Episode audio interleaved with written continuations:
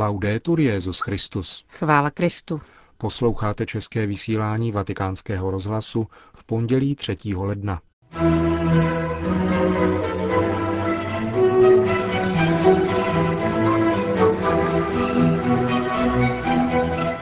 Vatikán vyzývá k dialogu po atentátu na koptské křesťany v Alexandrii. Prefektura papežského domu zveřejnila údaje o počtech poutníků, kteří se v loňském roce setkali se svatým otcem. To a mnohé další uslyšíte v našem dnešním zpravodajství, kterým vás provázejí Milan Glázer a Johana Bronková.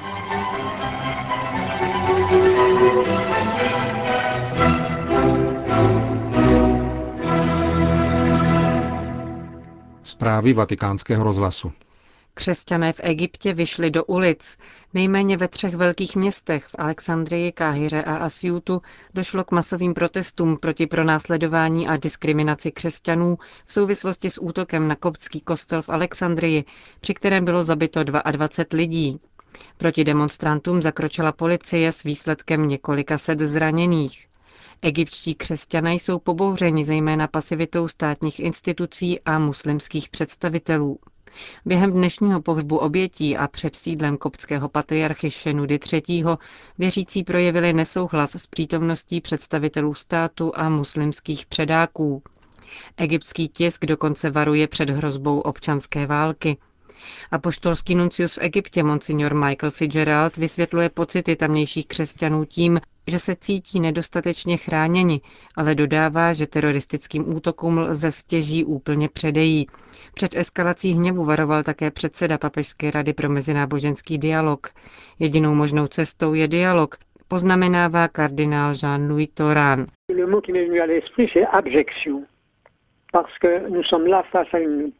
Podlost, to je jediné slovo, které mi přichází na mysl, když přemýšlím o tomto útoku. Máme zde totiž co dočinění s převráceným pojetím náboženství. Žádné náboženství se totiž nemůže něčeho takového zastávat. Byl to útok na lidi, kteří se modlili a vyjadřovali tak to, co je v člověku nejvznešenější. Mám však za to, že v nynější situaci je zejména třeba se vystříhat dvou věcí. Hněvu který je vždycky špatným rádcem, a také lhostejnosti. Nemáme právo být lhostejní, říkával Jan Pavel II. během balkánské krize. Jediným východiskem z této situace je dialog. Často je nám předhazováno, podívejte se, k čemu vede dialog. Toto jsou jeho výsledky. To však není pravda. Stojíme tváří v tvář moci zla. Překonat jej můžeme jenom dobrem. A to znamená, že dialog musí být intenzivnější. Euh, v místě samotném však dialog vůbec není snadný. Příkladem toho je nejednoznačná reakce velkého imáma sunnické univerzity Al-Azhar Ahmeda Al-Tajeba, který sice útok odsoudil a projevil soustrast koptské komunitě, ale ostře kritizoval včerejší slova Benedikta XVI. na obranu křesťanů. Jako jeden z nejvyšších představitelů sunnického islámu označil papežův projev za nepřípustné vměšování a vytýkal papeži, že nevystupuje na obranu muslimů, kteří jsou oběťmi atentátů. Tuto kritiku dnes rozhodně odmítl vatikánský tiskový mluvčí, který připomněl, že papež mnohokrát vystoupil na obranu všech obětí násilí bez ohledu na vyznání. Dnes není čas na takovéto polemiky, protože je třeba sjednotit se proti terorismu, říká otec Lombardi. Nyní je nezbytné, aby se všichni představitelé sjednotili v boji proti terorismu a za bezpečnost obyvatelstva. Je rovněž nezbytné, aby se zapojili všichni míromilovní lidé všech náboženství a světových názorů, aby byla učiněna přítrž plánům nenávisti, které chtějí dělit, vyvolávat napětí, nenávist a konflikty. Solidarita s pronásledovanými křesťany je naší povinností a nemůže se stát příležitostí k rozněcování konfliktů mezi náboženstvími či civilizacemi. To by bylo šílenství. Papežovo pozvání do Asizi je potvrzením onoho zásadního učení, že ve jménu Božím nelze vést válku, nýbrž jedině budovat mír. Říká tiskový mluvčí Vatikánu otec Federico Lombardi.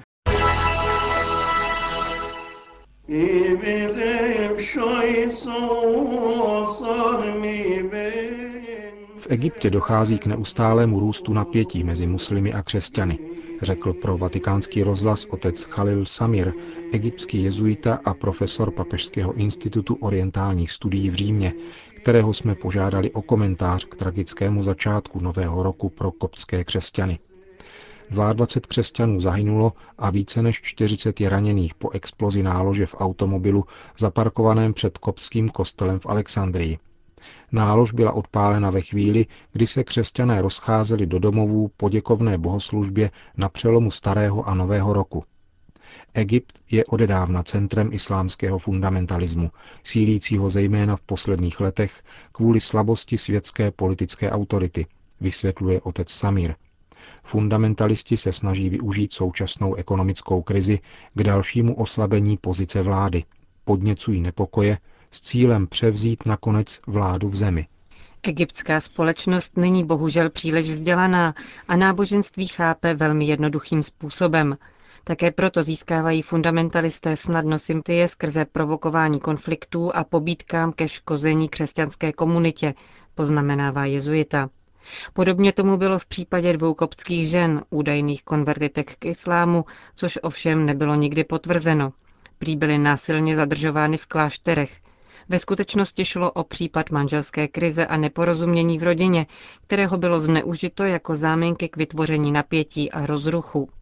Hlavním cílem bylo ve skutečnosti roznítit politické konflikty a destabilizovat vládu. Křesťané jsou tedy jen záminkou používanou k posílení pozice islámských fundamentalistů, tvrdí egyptský jezuita. Mnoho umírněných představitelů islámu zároveň jasně vyjadřuje nesouhlas s útoky na křesťany. Období příprav na Vánoce, které se v Egyptě slaví podle koptského kalendáře v noci z 6. na 7. ledna, mělo mít duchovní charakter spojený s postem a modlitbou. Zároveň my, egyptští křesťané, máme neustále na paměti, že jsme církví mučedníků. Dokonce ani náš letopočet se nepočítá od Krista, nýbrž od Diokleciánova pronásledování v roce 284. Dnes musíme být znovu připraveni obětovat život pro svou víru, říká otec Samir.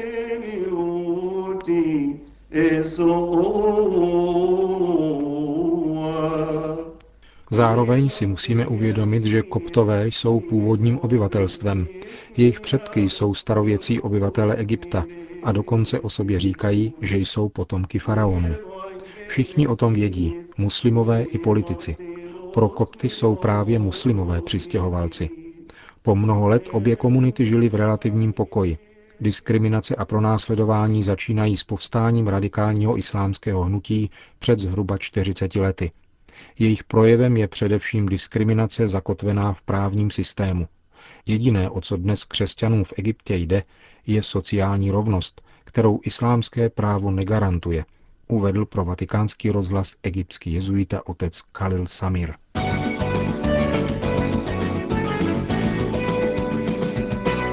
Vatikán. Příliv poutníků, kteří se chtějí setkat s Petrovým nástupcem, neslábne. Naopak statistiky za rok 2010 potvrzují, že na setkání s papežem ve Vatikánu a Castel Gandolfu přišlo o něco více věřících než v předchozím roce. Celkem 2 miliony 270 tisíc. Uvedené údaje zveřejnila prefektura papežského domu. Nezahrnují osoby, které se účastnily papežských akcí během devíti apoštolských cest, pěti zahraničních a čtyř italských, ani ty, s nimiž se papež setkal při návštěvách římských farností nebo v synagoze. Z údajů prefektury vyplývá, že nejvíce věřících přichází na nedělní modlitbu Anděl Páně, více než milion dvěstě tisíc. Téměř půl milionu připadá na středeční audience a necelých 400 tisíc se zúčastnilo papežských liturgií, včetně kanonizací a zakončení knižského roku. Podle statistiky Vatikánského úřadu připutovalo za současným papežem od začátku pontifikátu více než 15,5 milionu věřících. Londýn. Diskrétně začalo působení zvláštních katolických ordinariátů pro bývalé členy anglikánského společenství ve Velké Británii. Během slavnosti Pany Marie Matky Boží ve Westminsterské katedrále v Londýně se konal obřad přijetí skupiny bývalých anglikánů do společenství katolické církve. Byli v ní tři bývalí anglikánští biskupové, jejich příbuzní a tři anglikánské řeholní sestry. Obřadu předsedal světící biskup Westminsterské diecéze Alan Hopes. Formální ustanovení ordinariátu Anglie a Walesu podle apoštolské konstituce Benedikta XVI. Anglicanorum Cetibus se očekává v nejbližších týdnech. K návratu do plného společenství se připravuje více než 20 farností, přibližně 50 pastorů a další tři biskupové. Anglikánské společenství v Anglii a Walesu má přibližně 50 biskupů a přes 3,5 tisíce farností. Thajsko. Sekularizovaná Evropa může počítat s podporou misionářů z Thajska. V této převážně buddhistické zemi působí misijní společnost, která vysílá rodilé kněze do zahraničních misií. Je to možné díky rostoucímu počtu kněžských povolání. Na 350 tisíc katolíků v této zemi připadá v současné době 150 seminaristů, nepočítaje povolání k řeholnímu životu. Důležitá je v této souvislosti postava zakladatele zmíněné misijní společnosti, biskupa Georgi J. Fimfisana, který je přesvědčen, že misijní činnost patří mezi povinnosti všech místních církví i těch, kde je nedostatek kněží. Misie je totiž vždycky dar. Naše víra, říká biskup Fimfisan, je plodem obětavosti evropských a amerických církví, které se rozhodly poslat do Thajska kněze a řeholníky. Dnes přišla řada na nás, dodává. Thajští misionáři pracují především v kulturně blízkých azijských zemích, tedy v Laosu a Kambodži. V případě potřeby však neváhají odjet ani do Evropy. I přes svůj misijní dynamismus je Thajsko nadále misijní zemí. Katolíci v ní tvoří něco málo přes půl procenta obyvatel. Evangelizace je obtížná zejména proto, že národní identita je tam spojena s buddhismem. Podle zdejší tradice je například každý muž alespoň na krátký čas povinen věnovat se mnižskému životu v některém z buddhistických klášterů, aby tak splatil dluh vděčnosti vůči vlastní matce. Mnoho mužů přichází do katolické církve právě po skončení pobytu v buddhistickém klášteře, podotýká biskup Fimfisan. Kypr. Během vánoční mše svaté v pravoslavném chrámě Hagios Synésios v Rizo Karpaso v tureckém okupované části Kypru na severu ostrova vstoupili během bohoslužeb do kostela policisté, donutili kněze přerušit liturgii a vyvedli z kostela také všechny přítomné věřící a zatarasili vchod. Policie argumentovala nařízením ministerstva zahraničních věcí turecko-kyperské vlády, protože prý zdejší kněz neměl povolení slavit vánoční liturgii. Pravoslavný chrám v Rizo Karpaso však funguje 36 let, tedy od dob turecké invaze, aniž by kdy potřebovala zvláštní povolení. Kyperský arcibiskup však i přesto o povolení požádal a dokonce jej také předem dostal. Incident byl potvrzen i mírovými sbory OSN na Kypru. Vláda Kyperské republiky označila celou akci za nepřípustnou, a to tím spíše, že byla podniknuta během nejposvátnějších dnů pro křesťanské společenství. Čína. Za 20 let bude Čína nejstarší společností na světě. Bude tvořena 420 miliony lidí v pokročilém věku.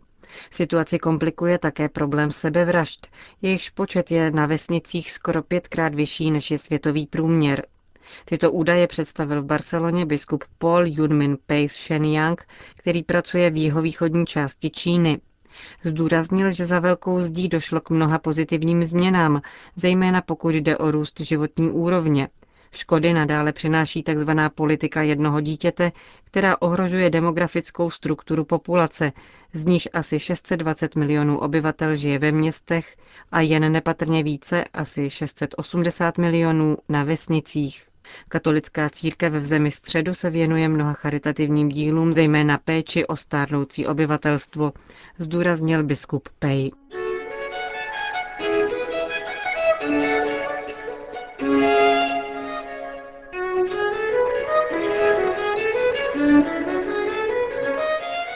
Končíme české vysílání vatikánského rozhlasu.